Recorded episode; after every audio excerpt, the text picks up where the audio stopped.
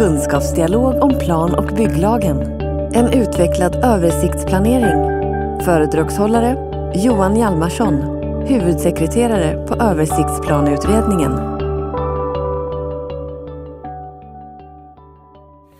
Välkomna till dialogpasset om en utvecklad översiktsplanering. Jag heter Johan Hjalmarsson och är huvudsekreterare i en utredning som regeringen tillsatte i början av året. Syftet är att utveckla översiktsplaneringen. Med mig finns Kristina Björn som också arbetar i utredningen. Vi kommer tillsammans att introducera några frågor som vi arbetar med inom uppdraget. Vårt uppdrag handlar om att utveckla översiktsplaneringen för att därigenom underlätta för efterföljande detaljplanering. Regeringens avsikt med uppdraget är att dels att öka förutsebarheten i beslut som avser hur mark och vattenområden ska användas och bebyggelsen utvecklas. Dels att dialogen om fysisk planering mellan staten och kommunen i större omfattning ska klaras av inom ramen för översiktsplaneringen. Uppdraget kan sammanfattas med att genomförandet av konkreta byggprojekt ska underlättas och kunna ske snabbare än vad som är fallet idag.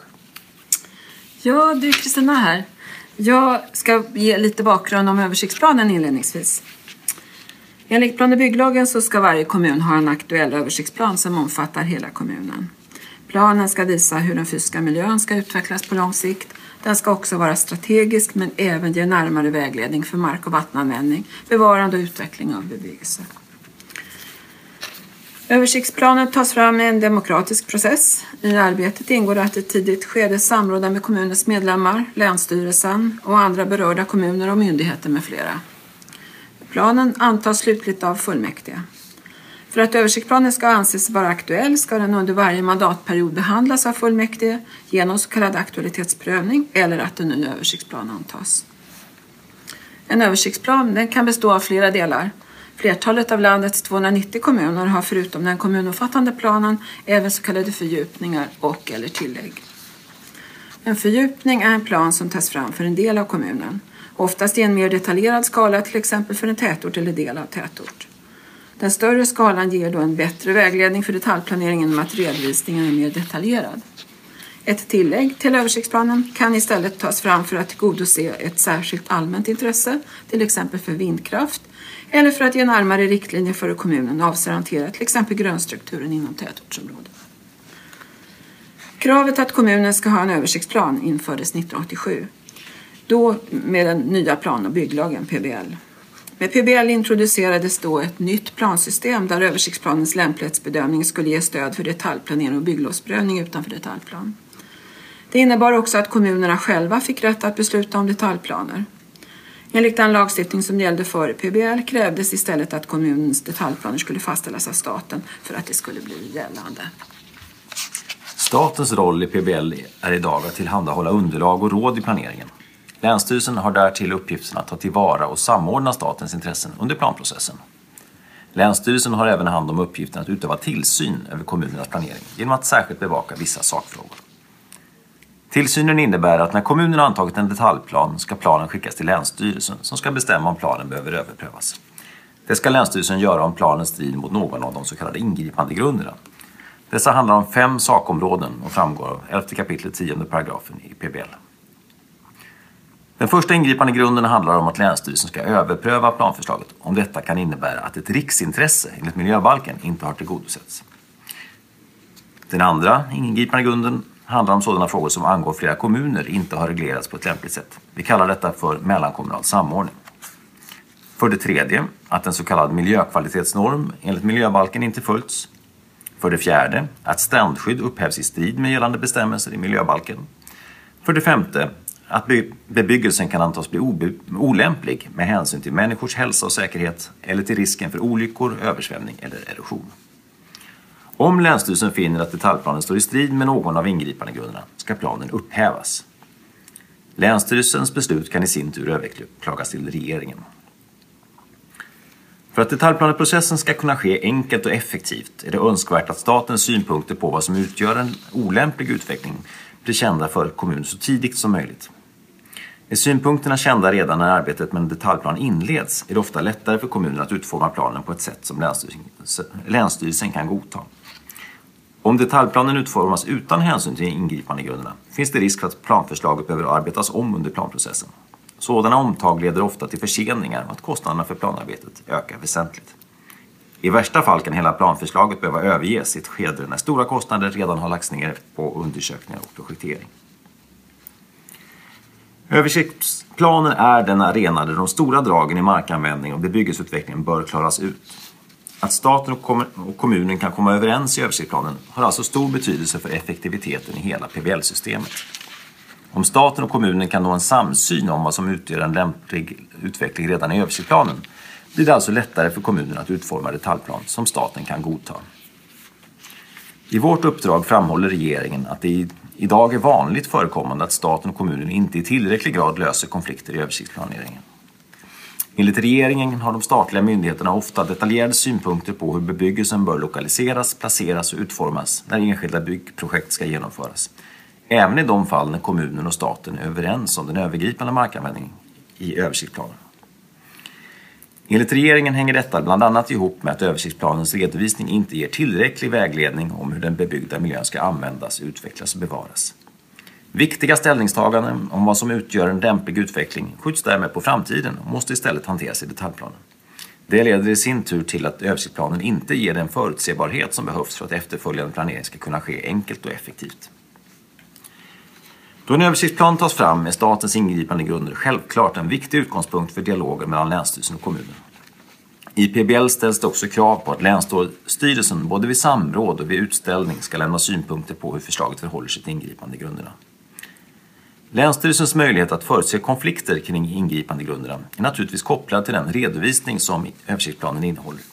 Ju tydligare redovisningen är och ju mer ställningstaganden som planen innehåller, desto lättare blir det för Länsstyrelsen att uppmärksamma kommunen på eventuella konflikter mellan ingripandegrunderna och den utveckling som kommunen planerar för.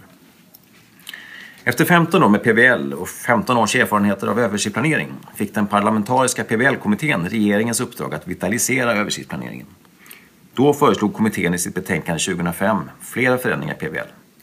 Bland annat att översiktsplanen i större utsträckning borde ges karaktär av en politisk, långsiktig vision för hur mark och vatten skulle användas och hur bebyggelsen skulle utvecklas. Översiktsplanen skulle därigenom i större utsträckning kunna användas som ett strategiskt dokument i kommunen som knyter samman andra kommunala strategier och program. Kommittén ansåg även att kopplingarna till nationella och regionala mål, planer och program behövde förstärkas. Kommitténs förslag genomfördes i allt väsentligt i dessa avseenden i samband med tillkomsten av den nya plan och bygglagen 2011. Ja, och i många kommuner har översiktsplanen idag en mer strategisk karaktär. Många planer ger numera intryck, uttryck för en politisk vision om hur kommunen ska utvecklas och vår uppfattning är att den politiska förankringen ofta har stärkts. Med ett ökat politiskt intresse ser det också ut som det är lättare att hålla översiktsplanen aktuell. Funktionen som politisk vision har i vissa fall även påverkat översiktsplanens innehåll i övrigt. Trenden över tid tycks vara att vi går mot översiktsplaner som är mer programartade till sin karaktär jämfört med den första generationens översiktsplanen där tyngdpunkten låg på planeringsunderlag och hur mark och vatten skulle användas. I många kommuner har översiktsplaneringen stärkts genom att översiktsplaner utvecklats i en mer strategisk inriktning. Samtidigt innebär en mer schematisk översiktsplan att det kan vara svårare för Länsstyrelsen att bedöma om den bebyggelseutveckling som kommunen önskar kan förenas med ingripandegrunderna.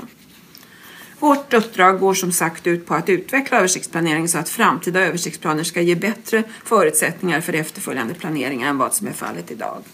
Om översiktsplanen ska kunna göra det behöver planen både ha en strategisk inriktning och samtidigt ge tydlig vägledning för efterföljande beslut om hur mark och vattenområden ska användas och bebyggelsen utvecklas. Ja, en av de frågor som vi nu vill diskutera med er är hur ni ser på nyttan av översiktsplanen i dagens system. Vad använder vi översiktsplanen till idag? Hur stor är nyttan i arbetet med detaljplaner och bygglov utanför detaljplanen? Och hur skulle vi kunna öka denna nytta så att efterföljande planering och beslut förenklas? Både inom den kommunala organisationen men även hos andra aktörer, till exempel för statliga myndigheter eller för enskilda. Vad behöver översiktsplanen till exempel innehålla för att en efterföljande planering ska kunna ske effektivt? Vilken detaljeringsgrad behöver översiktsplanen ha för att den ska fungera på bästa sätt i plansystemet?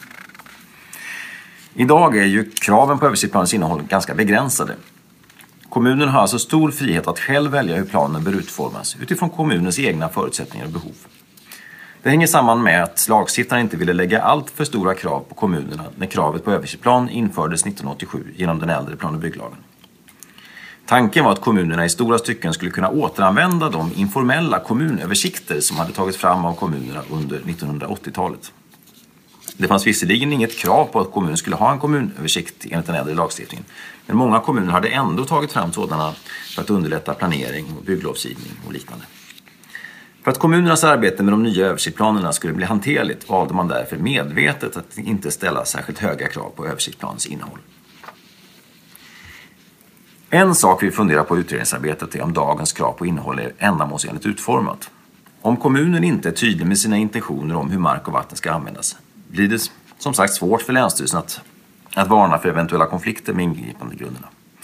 Ett sätt att säkerställa en ändamålsenlig redovisning skulle kunna vara tydliga, tydligare reglera formen för hur kommunen ska visa sin uppfattning om hur mark och vattenområden bör användas.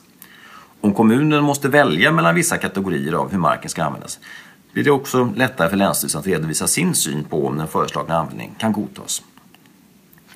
Ett sådant system finns bland annat i Norge. Boverket har de senaste åren prövat en så kallad ÖP-modell som är tänkt att leda fram till en standard för mark och vattenanvändning. Boverket jobbar tillsammans med ett antal testkommuner i landet och nu är det dags att utvärdera det arbetet.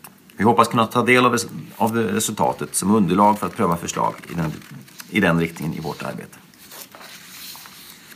För att underlätta detaljplaneprocessen är det naturligtvis särskilt angeläget att översiktsplanen innehåller den information som behövs för att den tänkta bebyggelseutvecklingen ska kunna bedömas i förhållande till ingripandegrunderna. Det gör att vi funderar på om det finns några uppgifter som har särskild betydelse för att göra det lättare att bedöma hur planförslaget förhåller sig till, till de delarna. Det skulle exempelvis kunna gälla en obligatorisk redovisning av låglänta områden som riskerar att översvämmas för att bebyggelseutvecklingen ska kunna bedömas i förhållande till risken för översvämning. Det skulle också kunna handla om att kommuner måste redovisa områden där mängden partiklar i luften medför att ny bebyggelse kan komma att bli olämplig i förhållande till miljökvalitetsnormerna för luften. Samtidigt ligger det naturligtvis i sakens natur att många av ingripande grunderna kan vara svåra att bedöma i den skala som den kommunomfattande översiktsplanen erbjuder. För att kunna bedöma om den önskade bebyggelsen är lämplig i förhållande till ingripande grunden hälsa och säkerhet krävs ofta att de enskilda husens placeringar är kända, vilket sällan är fallet i arbetet med den kommunomfattande planen. Sådana ställningstaganden kan vara omöjliga att göra i den skala som den kommunomfattande översiktsplanen erbjuder, medan det kan vara lättare att bedöma sådana sakfrågor i en fördjupning. Inom utredningen är vi naturligtvis även medvetna om risken för att ytterligare krav på översiktsplanens innehåll riskerar att göra kommunernas arbete tungrot, vilket i sämsta fall skulle kunna leda till att våra förslag blir kontraproduktiva. Så får det naturligtvis inte bli. Samtidigt ser vi att en del av den redovisning som finns i många översiktsplaner idag kanske inte behöver finnas där. Vi tror dock att kommunens arbete med översiktsplanen kan förenklas väsentligt genom att kraven på innehåll görs tydligare än vad som är fallet med de nuvarande kraven i plan och bygglagen. Vi är också medvetna om att det är en hög ambition att försöka lösa alla konflikter redan i översiktsplanen. Ofta krävs, ofta krävs det detaljerade undersökningar för att alla förutsättningar ska vara kända, till exempel när det gäller geotekniska frågor. Det är naturligtvis ingen framkomlig väg att kräva att alla de utredningar som idag görs inom ramen för en detaljplan ska göras redan i översiktsplanen. Det skulle sannolikt omöjliggöra översiktsplaneringen. Kommunen och Länsstyrelsen kan också ha skilda uppfattningar i olika frågor. I sådana fall kanske det inte är ändamålsenligt att försöka hitta en gemensam syn på lösningen förrän andra, mer detaljerade ställningstaganden har gjorts än vad som är möjligt i översiktsplanen. Ett steg på vägen är då att i dialogen under översiktsplanprocessen kunna identifiera problemen och föreslå hur de kan tas om hand. Bara det att kommunen och Länsstyrelsen är överens om att en fråga behöver utredas ytterligare kan underlätta mycket för detaljplaneprocessen. Ofta uppstår de stora konflikterna under detaljplaneprocessen när det uppkommer krav på nya utredningar eller att kommunen måste ta hänsyn till nya omständigheter som inte var kända när kommunen tog fram sitt planförslag.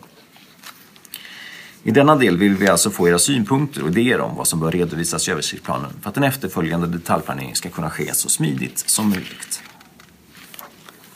Inom utredningen funderar vi även på hur Länsstyrelsens besked under översiktsplaneprocessen ska också kunna bli tydligare. Und, eh, vi har, I utredningen har vi hämtat in granskningsyttranden från alla länsstyrelser, det vill säga Länsstyrelsens yttrande då, då, en, uts, då en översiktsplan är utställd. I dessa yttranden ska Länsstyrelsen under utställningen ange om det kan befaras att förslaget går i konflikt med någon av ingripandegrunderna. Vi konstaterar då att det skiljer sig ganska mycket kring hur länsstyrelserna utformar sina yttranden. Vi tror att det kan underlätta planprocessen om Länsstyrelsens yttrande får funktionen av ett kvitto på hur de statliga frågorna har hanterats i planen. Vi anser då att Länsstyrelsens yttrande ska begränsas till ingripandegrunderna och inte tyngas av annan information. Den slutligt antagna översiktsplanen gäller ju tillsammans med granskningsyttrandet och då måste Länsstyrelsens yttrande vara tydligt med hur planen förhåller sig till ingripandegrunderna. Planen ska enligt PBL användas tillsammans med granskningsyttrandet. Dessa dokument ger vägledning för kommunens detaljplanering och bygglovsprövning och även för överprövningar i domstol samt också för planer och beslut enligt annan lagstiftning där hushållningsbestämmelser i miljöbalken ska tillämpas med stöd av hushållningsförordningen. Det gäller till exempel vägplanering, järnvägsplanering, tillstånd enligt miljöbalken med mera. Ja, och avslutningsvis vill jag nämna att vi enligt våra direktiv ska vara klara med vårt uppdrag i den här delen den 15 mars nästa år, 2018. Då kommer vi att redovisa våra förslag om hur vi anser att översiktsplaneringen bör utvecklas i ett betänkande i serien Statens offentliga utredningar som vi ska överlämna till bostadsministern. Därefter kommer våra förslag till lagändringar att remitteras till, till de kommuner och myndigheter som berörs av förslagen. Med remissutfallet som grund kommer regeringskansliet därefter förhoppningsvis att arbeta fram en lagrådsremiss kring hur översiktsplanering kan utvecklas innan regeringen slutligen gör en proposition som läggs fram för riksdagen. Med detta sagt är vi nu nyfikna på att höra hur ni använder översiktsplanen idag och hur ni tror att översiktsplanen bör utvecklas för att underlätta efterföljande planering.